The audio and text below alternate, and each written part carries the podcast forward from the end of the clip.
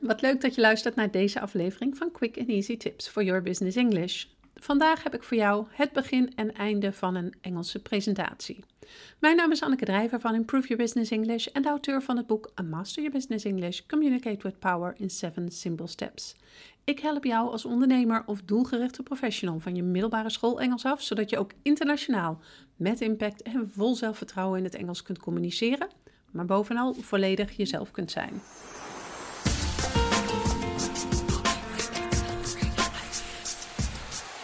Presenteren is iets wat je vast en zeker af en toe zult moeten doen.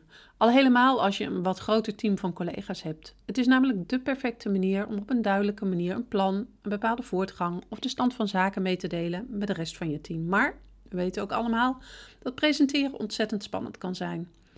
Als professional wil je die spanning natuurlijk voor het grootste deel voorkomen. Dit is namelijk het moment om jouw idee op een doelgerichte en duidelijke manier over te brengen.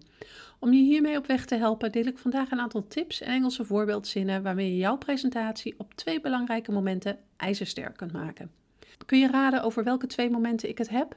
Ik ga je vertellen over het begin en het einde van je presentatie. Deze twee momenten zijn enorm van belang omdat ze toonaangevend zijn voor de rest van je presentatie. Bij een duidelijk en gestructureerd begin en een goede afhandeling van je presentatie laat je een blijvende indruk achter. En dat is precies wat je wil. Het begin van je presentatie. Ik zal meteen met de deur in huis vallen. Het begin is namelijk het moment waarin jij zo snel mogelijk de aandacht van je collega's wil hebben.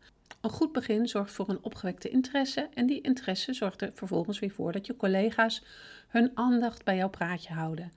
Wil jij voor zo'n goed begin zorgen? Houd dan de volgende twee belangrijke kernbegrippen in gedachten: pakkend en duidelijkheid. Pakkend.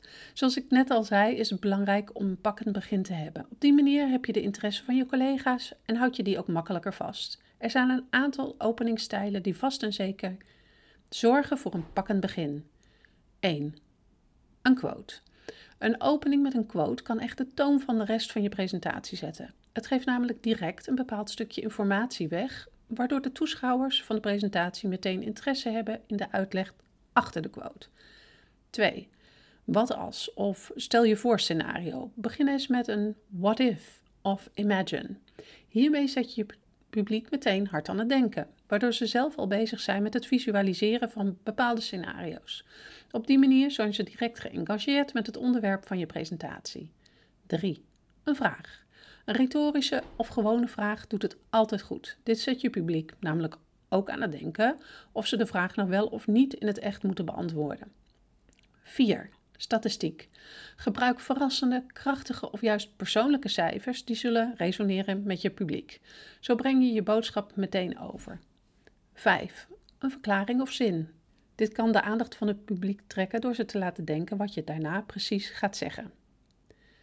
Het tweede kernbegrip is duidelijkheid.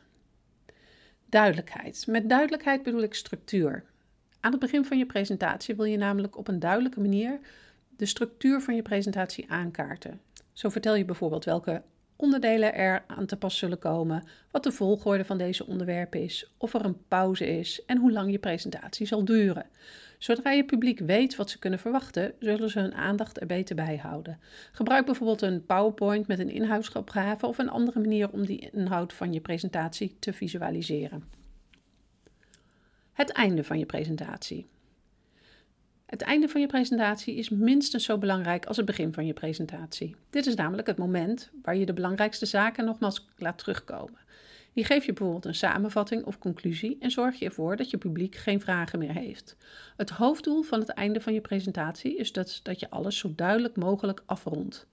Maar waarom is dit zo belangrijk? Je publiek zal het begin en het einde van de presentatie het meest duidelijk onthouden. Zodra je aan het einde duidelijk je conclusie of samenvatting laat terugkomen, zullen je collega's dit ook beter onthouden. Hier volgen een aantal manieren waarop je je presentatie op een goede manier beëindigt. 1. Vat de meest belangrijke punten nogmaals samen. 2. Herhaal de kernboodschap. 3. Presenteer een call to action. Met andere woorden, vertel je collega's wat er nu moet gebeuren. 4. Gebruik een krachtige quote. Misschien kun je zelfs terugkomen op de quote die je hebt gebruikt tijdens de opening van je presentatie. 5. Visualiseer. Gebruik een afbeelding of schema in je PowerPoint. 6. Laat je publiek lachen door met een grapje te eindigen. Als afsluiter deel ik graag nog een aantal Engelse kernzinnen met je die je zo kunt gebruiken tijdens je presentatie.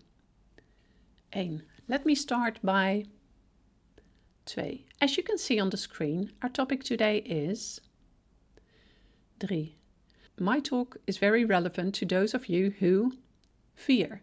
Today I'm going to take a look at recent developments in 5. In this presentation I will focus on three major issues.